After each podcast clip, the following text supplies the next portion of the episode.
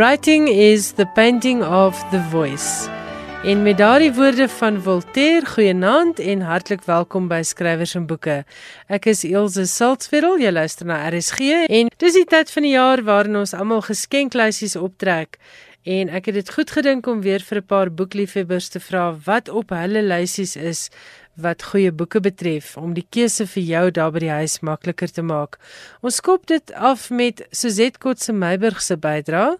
Nou Suzette is nie 'n onbekende by skrywers en boeke nie, sy het vir 'n ruk lank vir ons bydraes uit die Kaap uit gedoen en ek gaan vanaand by haar hoor wat het sy alles hierdie jaar gelees wat sy kan aanbeveel vir die kers inkopieslys.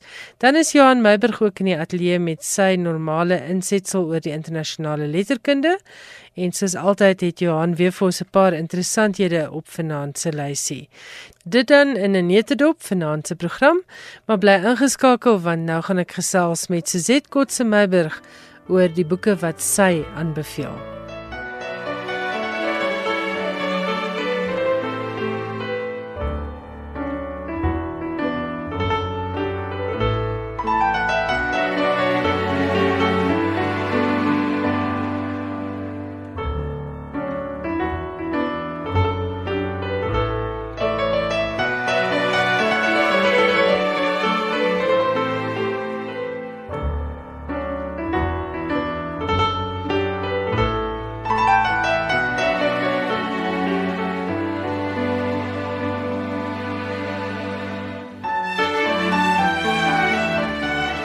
Gesels vanaand met 'n ou bekende hier by Skrywers en Boeke. Die luisteraars gaan onthou Suzette Kotse Meiberg het altyd vir my 'n wonderlike maandelikse insetsel gedoen oor boeke uit Kaapstad.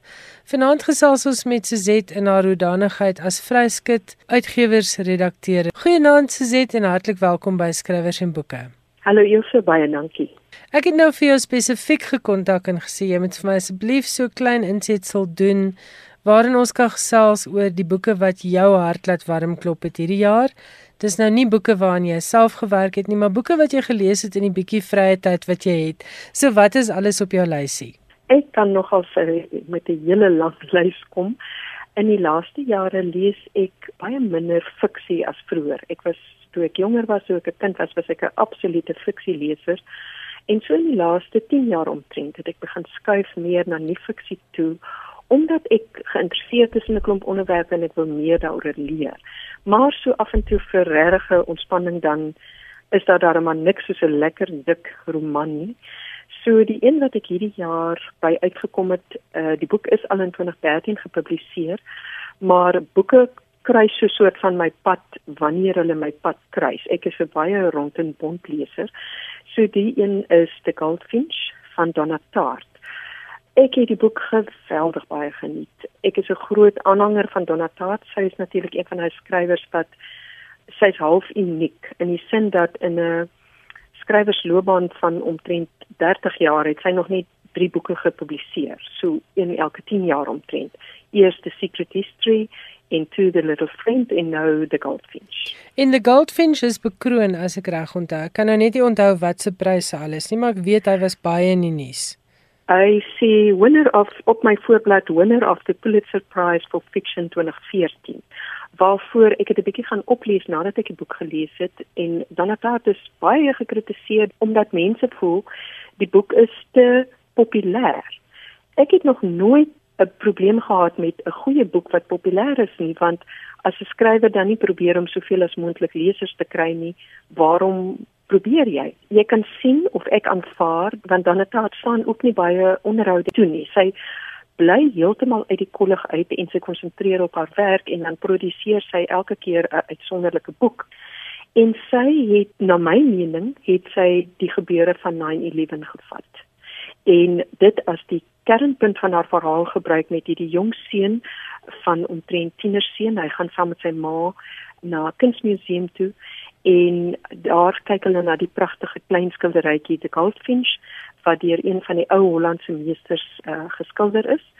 En die verskriklike ontploffing dit word nooit die 9/11 ontploffings genoem nie maar hierdie geweldige ontploffing gebeur en in die absolute chaos word hy van sy ma geskei dit blyk later dat sy ma is dood in die ontploffing en hier sit hierdie tiener seun alleen as ware in hierdie woonstel in New York en wat gebeur nou verder met hom. Daar's dele van die boek wat afspeel in Las Vegas, waar hy dan by sy pa moet gaan bly, maar sy pa wil eintlik net eh, die geld kry wat na die seun toe kom. Die pa is 'n absolute swindelaar.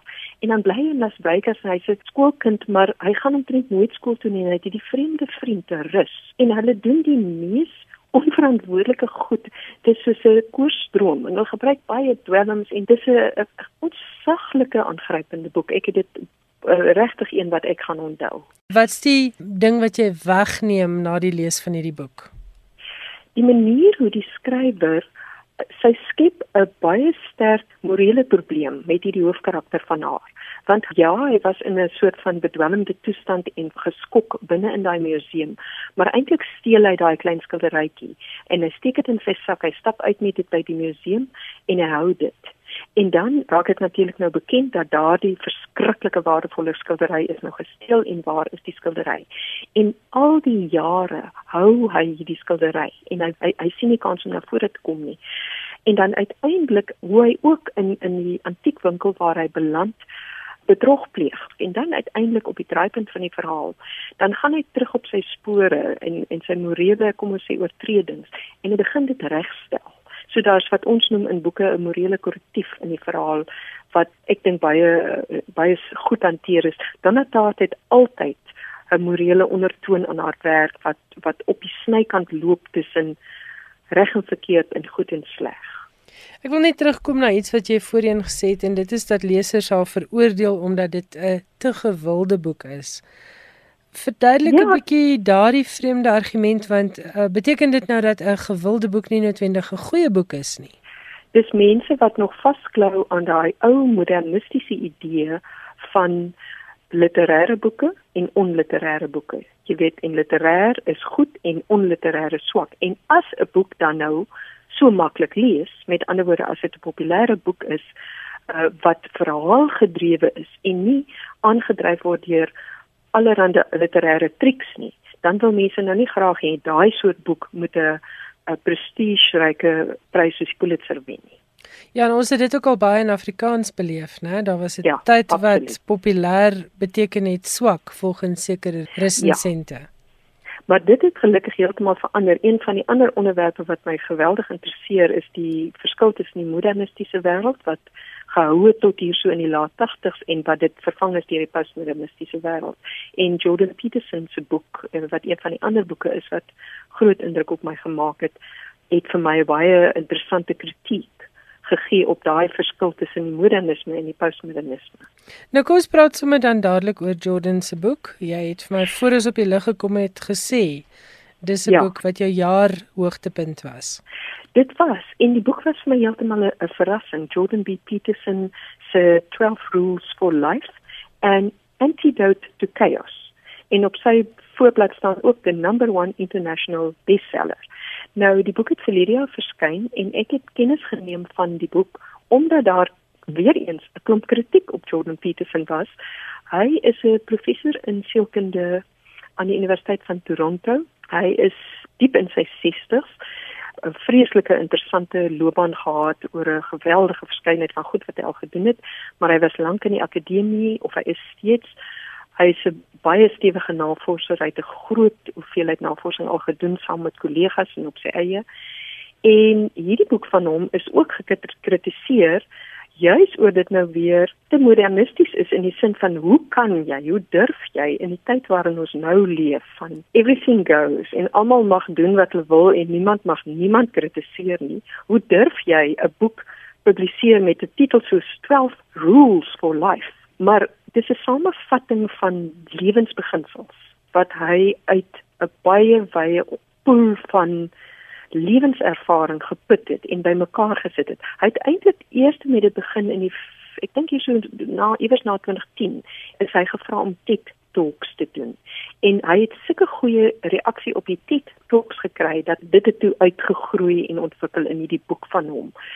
En jy weet mense het hom gekritiseer op ehm um, ja, maar jy seksisties of ja, jy het hierdie oudtydse idees waarmee jy te voorskyn kom en dan noem jy dit 12 rules for life. Maar toe ek die boek begin lees, was ek absoluut verras om te sien dat hierdie is nie 'n dun boekie wat vinnig afgeklap is nie. Dit is 'n dik boek wat behoorlik deurdag is en behoorlik nagevors is en behoorlik geskryf is vanuit 'n hele leeftyd van lewenservaring, kliniese ervaring, akademiese ervaring en dis 'n verstommende boek. En ek het gewonder, daai mense wat hom so gekritiseer het, het julle ooit die boek gelees? Ja, want ongelukkig weet ons dit gebeur ook, né? Mense sluit ja. persoonlike byltjies wanneer en dan noem hulle dit 'n resensie. En dan dikwels ja, het hulle nog nie die boek onder oë gehad nie. Want ek het vir myself gesê, my benadering tot lees is dat jy gaan as die leser in 'n gesprek met die skrywer om dit te kan doen, moet jy jou eie idees en jou eie vooroordeele net so bietjie eenkant parkeer en jou kop oopstel vir wat wil die skrywer vir my sê.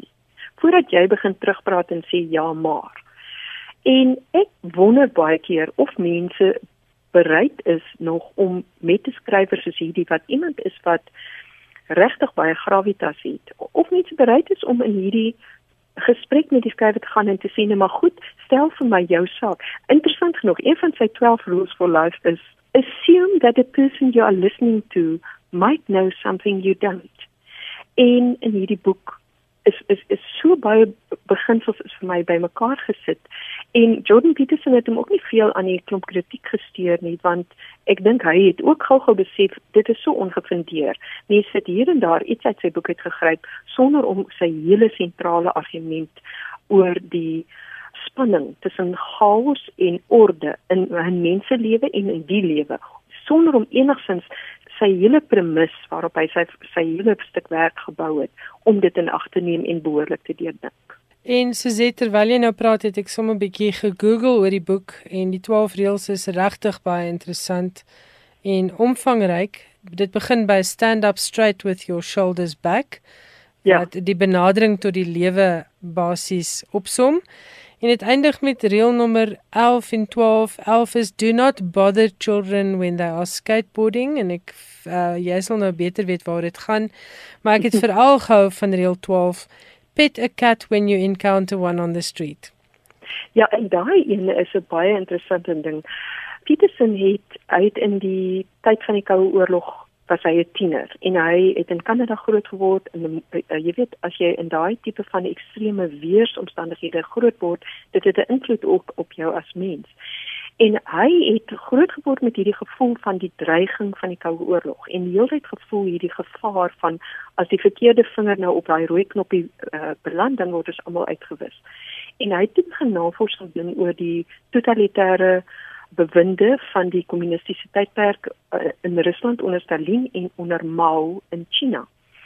En daaruit het hy onder andere hierdie insig geformuleer dat mense verwag goedheid van ander mense, maar hy sê eintlik moet jy verras wees dat daar enige goedheid in mense is, want daar is soveel boosheid in wat mense doen aan mekaar dat jy moet eintlik verras wees as jy met die goed in mense te doen kry en nie andersom nie. Dan sal jou hele lewensinstelling en wat jy van die lewe verwag, sal baie meer realisties wees. So daardie reël 12 wat hy sê as jy nou 'n kat in die straat teekom, vryf hom, gaan oor daardie verrassende goedheid wat jy raakloop so verrassend soos wat dit is dat ek 'n kat wat jou normaalweg ignoreer, dit is die buurkat oor in die straat waar hy woon, daardie wonderlikheid as hy kat op 'n dag vir jou kom groet en jy kan hom streep. Dit was dan Jordan Peterson se The 12 Rules for Life. Ja. Goed, wat is nommer 3 op jou lysie? Toe ek begin het om minder fiksie te lees, het ek onder andere baie begin om biografieë te lees. En daarin vind ek so half 'n tussenposisie van ek hou nog steeds van 'n storie, want enige mens oor wie 'n biografie geskryf word, enige mens se lewe vorm tog 'n storie. Maar omdat dit dan uh, werklikheid is, leer ek dan allerlei interessante goed daaruit. En die een biografie wat ek nou eintlik lankal in my agterkop het wat ek wil lees is Max Perkins, editor of Genius wat A. Scott Berg geskryf het en wat die fliek Genius op gebaseer is. Nou die boek het al in 1978 verskyn en dit is natuurlik nou die uh, biografie van die beroemde Maxwell Perkins wat in die 1920s, 1930s en so vroeg 1940s was hy die uitgewer en redakteur van die beroemde skrywers uh, die drie beroemdstes van hulle is uh, Scott Fitzgerald uh destyds The Great Gatsby geskryf toe hy omtrent net so ag hy was skaars 20 en Ernest Hemingway en dan Thomas Wolfe. Die fliek genius uh, konsentreer eintlik net op Max Perkins se uh, verhouding met Tom Wolfe want die hele uh, biografie is 'n dik boek en hy het reeds in 1978 verskyn baie goed nagevors so daar's nie 'n manier wat hulle 'n fliek oor die hele biografie kon maak nie. Hulle het net daai deeltjie uit dit uitgehaal Goed, sê net weer die titel. Max Perkins, Editor of Genius. Geskryf deur A. Scott Burke. Goed, goed. Berg. Goed. En boek nommer 4 op Suzette Kotse Meiburg se leeslys is nog 'n biografie as ek reg onthou. Ja, ja. Dit is een wat ek ook heeltemal teen my verwagting in verskriklik geniet het. Dit is die biografie van Elon Musk. Geskryf deur Ashley Vance en die subtitel is How the Billionaire CEO of SpaceX and Tesla is Shaping Our Future. Nou, soveel soos wat die verlede van die mens my interesseer, ek is baie lief vir geskiedenis en geskiedenis wat baie ver teruggaan selfs tot op die vlak van ehm um, jy weet uh, die geskiedenis van die mensdom wat van Sapiens daai boek van Noah Harari is is die beste voorbeeld daarvan.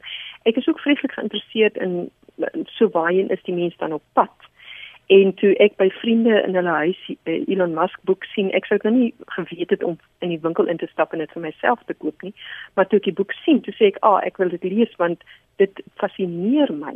Mense soos Musk wat heeltemal 'n uh, uitskieter is en wat eintlik op 'n heel ander vlak funksioneer as die gewone ouens soos ons. Uh, so dis 'n dis 'n geweldig interessante boek, baie baie goed geskryf, dit lees heerlik ek wat min verstand van wetenskaplike goed het dit baie maklik gevind om al daai tegniese goed oor uh, wat hulle doen by SpaceX en selfs by Tesla met die elektriese motors.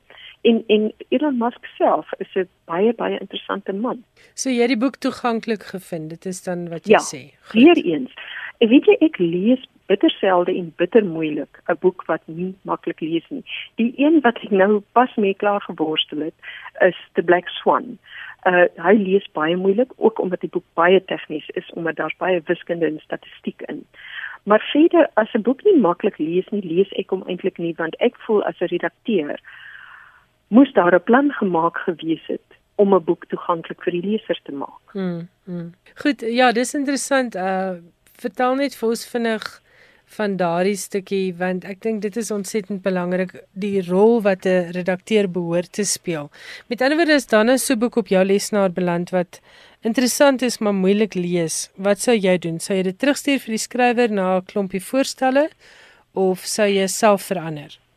Eers probeer jy natuurlik om vir die skrywer te wys op wat die probleem is met sy skryfstyl. Want 'n boek berus 'n mens beoordeel 'n boek op twee vlakke. Die een is wat die skrywer geskryf het, dis die inhoud, die tema en die ander een is hoe die skrywer dit geskryf het, dit is die skryfstyl. So skrywers is baie selde ewe sterk in al twee. Partykeer is die persoon se storie sterker, maar sy skryfstyl is so so of die persoon het 'n fantastiese mooi skryfstyl, maar die verhaal is nie sterk genoeg nie. Dit gebeur meer met fiksieboeke jy gaan maar eersins met jou keurverslag probeer jy vir die skrywer aan die uh, aan die hand doen. Doen dit doen dit doen dit want hierdie en hierdie is die probleme. En dan as die skrywer dit nie kon regkry nie of nie genoegsaam kon regkry nie dan is dit iets wat 'n mens soms in redigering kan jy baie daarin doen soms kan jy 'n bietjie daarin doen en soms is dit nie redbaar nie Goed. Maar dit is nou nie die geval met die Elon Musk biografie nie. Sê net gou-gou weer vir ons wie dit geskryf. Die skrywer is hy's 'n man, maar is hy sy naam is Ashley, maar dit word gespel soos Ashley um, L E E in die van Vance, uh, V A N C E. Goed, goed. Wat is nog op jou leeslys vir 2019? Ag, sommer iets lekkers en lig en vrolik was Elizabeth Gilbert se City of Girls en eintlik het ek ook haar vorige boek het ek selfs meer geniet. Uh The Signature of All Things wat al 'n heelwat ouer boek is. Almal het natuurlik ehm um, kennis geneem van Elizabeth Gilbert met Eat, Pray, Love wat ek ook geniet het. uh, destyds toe hy uitgekom het, maar ek het altyd gevoel daar's iets meer aan hierdie skrywer. Sy beskryf haarself in Eat Pray Love as die die human labrador. As hierdie sonnige blondine wat eintlik 'n bietjie uh, uh, loskop en en sommer so lig oor die lewe daar. Baie oppervlakkig, né? Maar inderdaad glad nie. En ek het dit aangevoel dit ek het by myself gedink toe ek destyds die boek gelees het, hier's iets meer aan hierdie skrywer. En toe ek haar twee romans lees, veral The Signature of All Things, het ek net besef, wow, daar is min mense wat so verleidelik soos sy skryf. Jy weet, daar's iets aan omtrent 'n skrywer waar 'n skrywer moet besef dat hy moet sy sy lesers verlei. Dit is amper hmm. seduction mm. wat moet plaasvind om om die leser jy jy jy, jy moet die leser in kontrole en veral met die begin van jou boek en met the signature of all things wat die verhaal begin in die 1700s met hierdie man wat as 'n jong seun by Kew Gardens in Engeland gewerk het van uh, sy pa was by die tuine en hulle was 'n baie arm familie. Maar hierdie ouetjie het net een uh, ambisie in die lewe gehad en dit is hy wil vooruitkom. Toe begin steel hy uit Kew Gardens uit uh plantjies en sade en hy begin te verkoop dit aan versamelaars. Want in daai tyd dit was nog in die tyd van die Britse ryk en die groot ontdekking en botanie was 'n baie groot onderwerp mense het op ontdekkingsreise gegaan om plante na te vors oral oor die wêreld en hulle het goed ontdek soos quinine wat help vir malaria en vanilla byvoorbeeld om om vanilla te kon verbou So sommer op die eerste bladsy toe ek hierdie boek begin lees, uh, was ek net onmiddellik getref deur hierdie skrywer en hierdie hoofkarakter in City of Girls omdat ek toe the signature of things so baie geniet het. Die City of Girls nou so hier in die middel van die jaar uitkom nie. Toe dink ek ag ek gaan dit sommer net dadelik koop en lees en ek het City of Girls wat nou dit speel so af in die 1940s in New York en later die karakter uh, dit vat ook die vroulike hoofkarakter deur haar hele lewe tot sy 'n ou vrou is en die boek word eintlik as 'n terugflits aangebied in uh, die City of Girls was daar die tyd van uh, teater en burlesk en die dansers die Broadway dansers daai hele kultuur en die klere en die modes ag dit is 'n heerlike boek sommer net dis eintlik 'n lekker girly boek om te lees Dit is The City of Girls deur Elizabeth Gilbert. En as jy nou eers ingeskakel het, ek praat met Suzette Kotse Meiburg en ons kyk sommer na Suzette se 2019 gunsteling boeke, dit wat op haar leeslys is. Wat is volgende Suzette? Uh dan het ek uh Cradle of Life, uh ook 'n boek wat hier uh, in Suid-Afrika uitgegee is nou deur Stryk, uh en die skrywer is Vincent Carruthers the story of the Magaliesberg and the cradle of humankind. En dit gaan oor die hele weg van die mensdom, uh, daardie ontsaglike belangrike um, geologiese en argeologiese terrein waar selle omgewing waar Homona Lady ook ontdek is en die Sterkfontein grotte en die daar's 'n 'n liggaam wat so uit die laat 1990s het hulle werklik begin saam staan om hierdie wieg van die mensdom as eerstens by UNESCO geregistreer te kry as 'n wêrelderfenisgebied. So die boek is deur hulle werksaamhede ehm um, moontlik gemaak en Vincent Carruthers, die skrywer, uh, is ook baie jare wat hy al in hierdie veld navorsing doen en hy het 'n fantastiese ding gedoen om hierdie boek bymekaar te sit. Dit vat regtig die geologiese geskiedenis, dan begin die die diere geskiedenis, dan die hominide geskiedenis en dan uiteindelik kom dit maar eers hier by ons die die menslike geskiedenis maar so in die laaste 200 000 jaar. So die boek word aangebied met fotos en diagramme en kaarte en dis 'n fantastiese geskenk vir 'n man wat graag in die fiksie lees of selfs 'n seun wat geïnteresseerd is in wetenskap en geologie en en sulke onderwerpe. Sien jy weer vir die boek se naam? uh, Cradle of Life, the story of the Magaliesberg and the cradle of humankind. Daardie is een en ek het dit nie geweet nie. Ek het geweet dit is 'n belangrike geologiese terrein, maar dis eintlik een van die heel belangrikste geologiese terreine in die wêreld en van die beste navorsing wat wat hulle al kon doen oor die oergeskiedenis van die planeet kon hulle doen in in daardie omgewing. Goed, en die skrywer? Vincent Carruthers. Goed. Nou ja, dis omtrent uiteenlopende boeke van lekker lees romans tot baie ernstige nie fiksie. Wat is daar nog op jou lys? Dan 'n ander boek wat ek ook vreeslik baie geniet het en dit is die autobiografie van Bruce Springsteen, Born to Run. En ek het vriende wat fanatiese Bruce Springsteen aanhangers is van sy musiek. Ek hou van sy musiek, maar ek moet eerlik sê ek is nie so 'n groot aanhanger van sy musiek nie. Maar sy boek, ek kon nie glo hoe goed hy skryf nie. Ek weet al die jare uh, dat mense wat Springsteen liefhebbers is, maak altyd baie van hoe goed sy lirieke is en jy kan dit in sy boek ook sien. Hy gebruik net te veel uitroeptekens is nou die tegniese beswaar wat ek sal inbring. As redakteur. As redakteur. Maar verder hy het 'n fantastiese skryfstyl. Hy het 'n ontsaglike interessante lewe. Hy's werklik 'n besonderse man en ek kan nou heeltemal verstaan hoekom almal so gaande is oor hom En om hierdie boek te lees, jy weet hy het as ware as musikant begin op ouderdom 15 met sy eerste garage bands en hy het eers hierso in sy vroeë 20's sy eerste groot deurbrake begin maak met opnames. Maar om te sien daardie stadige, moeilike stap vir stap pad wat 'n topmusikant moet loop voordat hy een, eendag die tipe ou is saam met sy um, orkes en soms alleen wat mega konserte aanbied. Dit is fascinerend om te sien. So dis 'n autobiografie oor Bruce Springsteen. Is die titel net Bruce Springsteen? Nee, Born to Run. Born to Run deur Bruce Springsteen. Ja. Goed. En dan 'n laaste boek op jou 2019 leeslysie, Suzette Kotse Meiburg. Dit is 'n boek oor die vrou agter 'n bekende. Ja, Jy weet ek ek weet nie wat al met jou gebeur het maar hierdie was nou 'n geval waar ek in 'n boekwinkel instap en ek sien 'n boek en dink by myself, "Haai, weet jy, ek wou nog altyd 'n boek oor hierdie onderwerp gelees het sonder dat ek besef het ek wil 'n 'n boek oor hierdie onderwerp lees." En die onderwerp is Emma Jong, die vrou van Karel Jong, die groot psigoanalis. En ek het al Jong se eie autobiografiese werk gelees, uh, Memories, Dreams, Reflections en ek het al so 'n bietjie jong gelees. Ek sal nou nie my aanmatig om te sê dat ek al baie van sy versamelde werke gelees het nie, want dit is moeilike leesstof.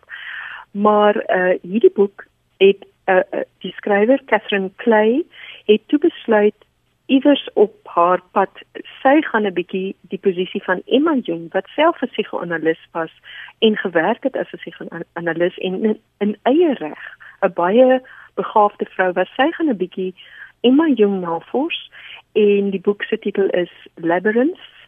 Uh Emma Jung, Her Marriage to Carl and the Early Years of Psychoanalysis. En die boek het vir my ook wêrelde oopgemaak. Geweldig interessant. Emma Jung kom uit 'n baie ryk familie in Switserland en Jung wie se pa 'n uh, bitterlike arm predikant was van 'n klein plaaslike gemeentetjie. Karl Jung toe hy haar die eerste keer gesien het, sy was nog 'n skoolmeisie van 14 of so en hy is so 5 of 6 jaar ouer. Toe hy die eerste keer sien, toe het hy vir homself gesê dit is die vrou met wie ek gaan trou.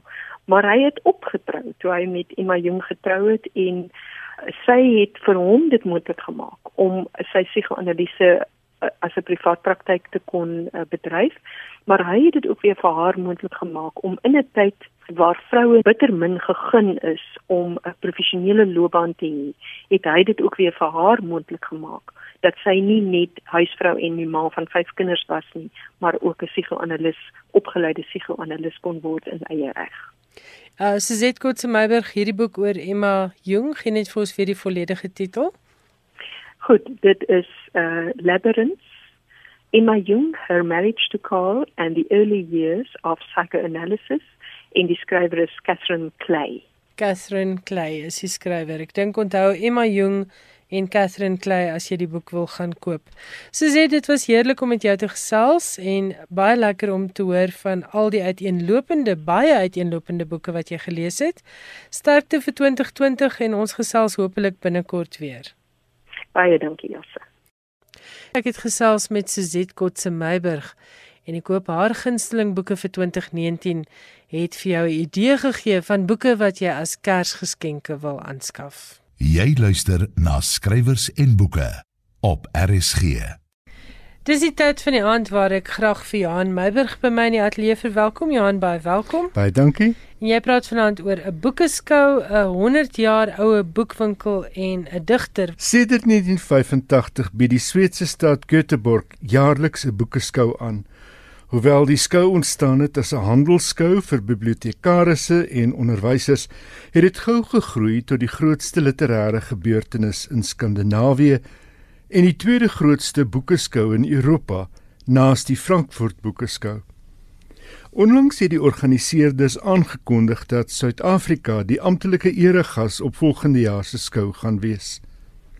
Suid-Afrika en Swede het sterk bande wat sover teruggaan as die 1960s toe Swede politieke en humanitêre steun gebied het in die anti-apartheidstryd, het Frida Etman, direkteur van die boekeskou gesê. Die Suid-Afrikaanse Departement van Sport, Kuns en Kultuur is een van die vennote wat verantwoordelik is vir Suid-Afrika se program op die boekeskou en Vusumusi Mkhize, hoofdirekteur van die departement, het gesê dis 'n eer om hierdie opwindende geleentheid aan te gryp om ons land se tale, skrywers, kunstenaars en storievertellers en ryk kultuurerfenis op die podium aan te bied. Die tema van die boekeskou wat van 24 tot 27 September aangebied word is lees, lees, lees. En dis wat ons probeer met skrywers en boeke, né? Inderdaad so. Goed, dan 'n baie ou boekwinkel. Hoe het hierdie plek oorleef? Dit is Shakespeare and Company, die boekwinkel in Parys wat so deel is van 'n lys besienswaardighede in die Franse hoofstad soos die Eiffeltoring en die begrafplaas Père Lachaise. Die boekwinkel is van jaar 100 jaar oud. Dis begin in 1919 deur Sylvia Beach, 'n Amerikaanse vrou in 'n tyd toe heel party Amerikaners na die Tweede Wêreldoorlog onder die bekoring van die lewe in Parys gekom het. Beach boekwinkel het terstond 'n gewilde oord vir skrywers geword soos Scott Fitzgerald, James Joyce, Ernest Hemingway en T.S. Eliot. Die winkel het skaars 'n wins getoon, maar van meet af was dit duidelik die plek is meer van 'n sosiale beweging as net 'n boekwinkel. 'n Mens moet 'n gedagte hou, dit was die tyd van literêre salons soos die van Gertrude Stein en Alice B. Toklas en literêre bewegings soos die van Bloomsbury. Boonop was Beach die uitgewer wat in 1922 kans gesien het om James Joyce se Ulysses uit te gee, 'n duisend genommerde eksemplare op handgemaakte papier. Met die Duitse besetting van Parys in 1941 het Beach haar boekwinkel gesluit. 10 jaar later het die Amerikaner George Whitman 'n boekwinkel in Parys geopen aanvanklik genoem Le Mistral, maar in 1964, 400 jaar na Shakespeare se geboorte en 2 jaar na die dood van Beach, het hy die naam verander na Shakespeare and Company as 'n huldeblyk aan Beach. Deesdae hou die boekwinkel nuwe, tweedehandse en antikwariese boeke aan. Daar's 'n openbare leeskamer, maar bovenal is dit 'n plek om te besoek as besienswaardigheid. Weet jy of dit nog so groot is soos wat dit oorspronklik was of dit groter geword het, kleiner geword het? Hy's nog hy's nog hele tyd op dieselfde plek en die voorkoms die autentieke houtrak boekwinkel is nog steeds daar. Dis wonderlik. Mens moet miskien maar op die internet gaan kyk want wanneer gaan ons nou in Parys kom? En dis deel van die bekoring. Fantasties. Dan praat jy oor Stevie Smith.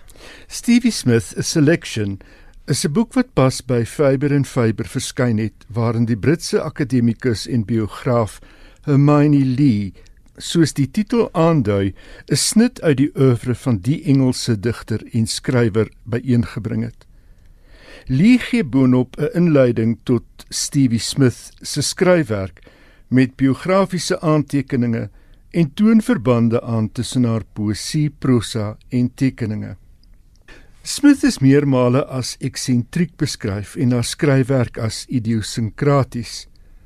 Peculiar is 'n woord wat sy dikwels gebruik het en dit kan dalk as beskrywing vir haar poësie dien. Florence Margaret Smith met die bynaam Stevie is in 1902 in Yorkshire gebore en het haar lewe lank in Palmers Green in die noorde van Londen gewoon. Ewe so het sy haar lewe lank as sekretaresse by 'n tydskrifuitgewer gewerk. In 1936 het haar eerste boek, Novel on Yellow Paper, verskyn.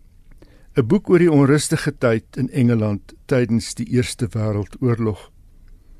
'n Jaar later het haar eerste digbundel verskyn, A Good Time Was Had by All. 'n Bundel met lyntekeninge waarin 'n kombinasie van vlugverbeelding en 'n gevoel van onheil reeds aan die orde kom. Die kombinasie loop trouens soos 'n goue draad deur al haar poësie. Die titel van die eerste bundel is ook tekenend van die manier waarop sy 'n ligte aanslag en diep erns vervleg. Die duidelikste aanduiding hiervan spreek uit een van haar bekendste gedigte, Not Waving but Drowning, ook die titel van haar bundel van 1957. In die 1960s het Smith bekend geword vir voorlesings van haar eie werk, wat heelwat bygedra het tot die eksentrisiteit van haar poësie met 'n bewerige stem en 'n halfsangerige aanslag. In 1966 het sy die John Mondley Poesieprys ontvang en in 1969 the Queen's Gold Medal for Poetry. Sy het 9 bundels gepubliseer en na haar dood in 1971 is nagelate verse in nog 3 gebundel. Hier is Stevie Smith aan die woord oor die gedig Not Waving but Drowning en dan lees sy die gedig ook voor. Or perhaps I may read something in a newspaper that disturbs me rather and makes me want to write about what I feel. For instance, I read about a man getting drowned once. His friends thought he was waving to them from the sea, but really he was drowning. This often happens in swimming baths or at the seaside. And then I thought that in a way it is true of life too that a lot of people pretend, out of bravery really, that they are very jolly and ordinary sort of chaps. But really they do not feel at all at home in the world, or able to make friends easily. So then they joke a lot and laugh, and people think they're quite all right and jolly nice too. But sometimes a brave pretense breaks down, and then, like the poor man in this poem, they are lost not waving but drowning. Nobody heard him, the dead man, but still he lay moaning. I was much further out than you thought, and not waving but drowning. Poor chap, he always loved larking, and now he's dead. It must have been too cold for him, his heart gave way, they said. Oh, no, no, no, it was too cold always. Still the dead one lay moaning. I was much too far out all my life, and not waving, but drowning. Dit was die stem van Stevie Smith. Sy het haar gedig Not Waving but Drowning voorgeles en 'n bietjie oor dit gepraat en soos Johan vroeër gesê het, hierdie opname is waarskynlik in die laat 1960s gemaak. Jan baie dankie. Ons gesels dan volgende week weer. Baie dankie.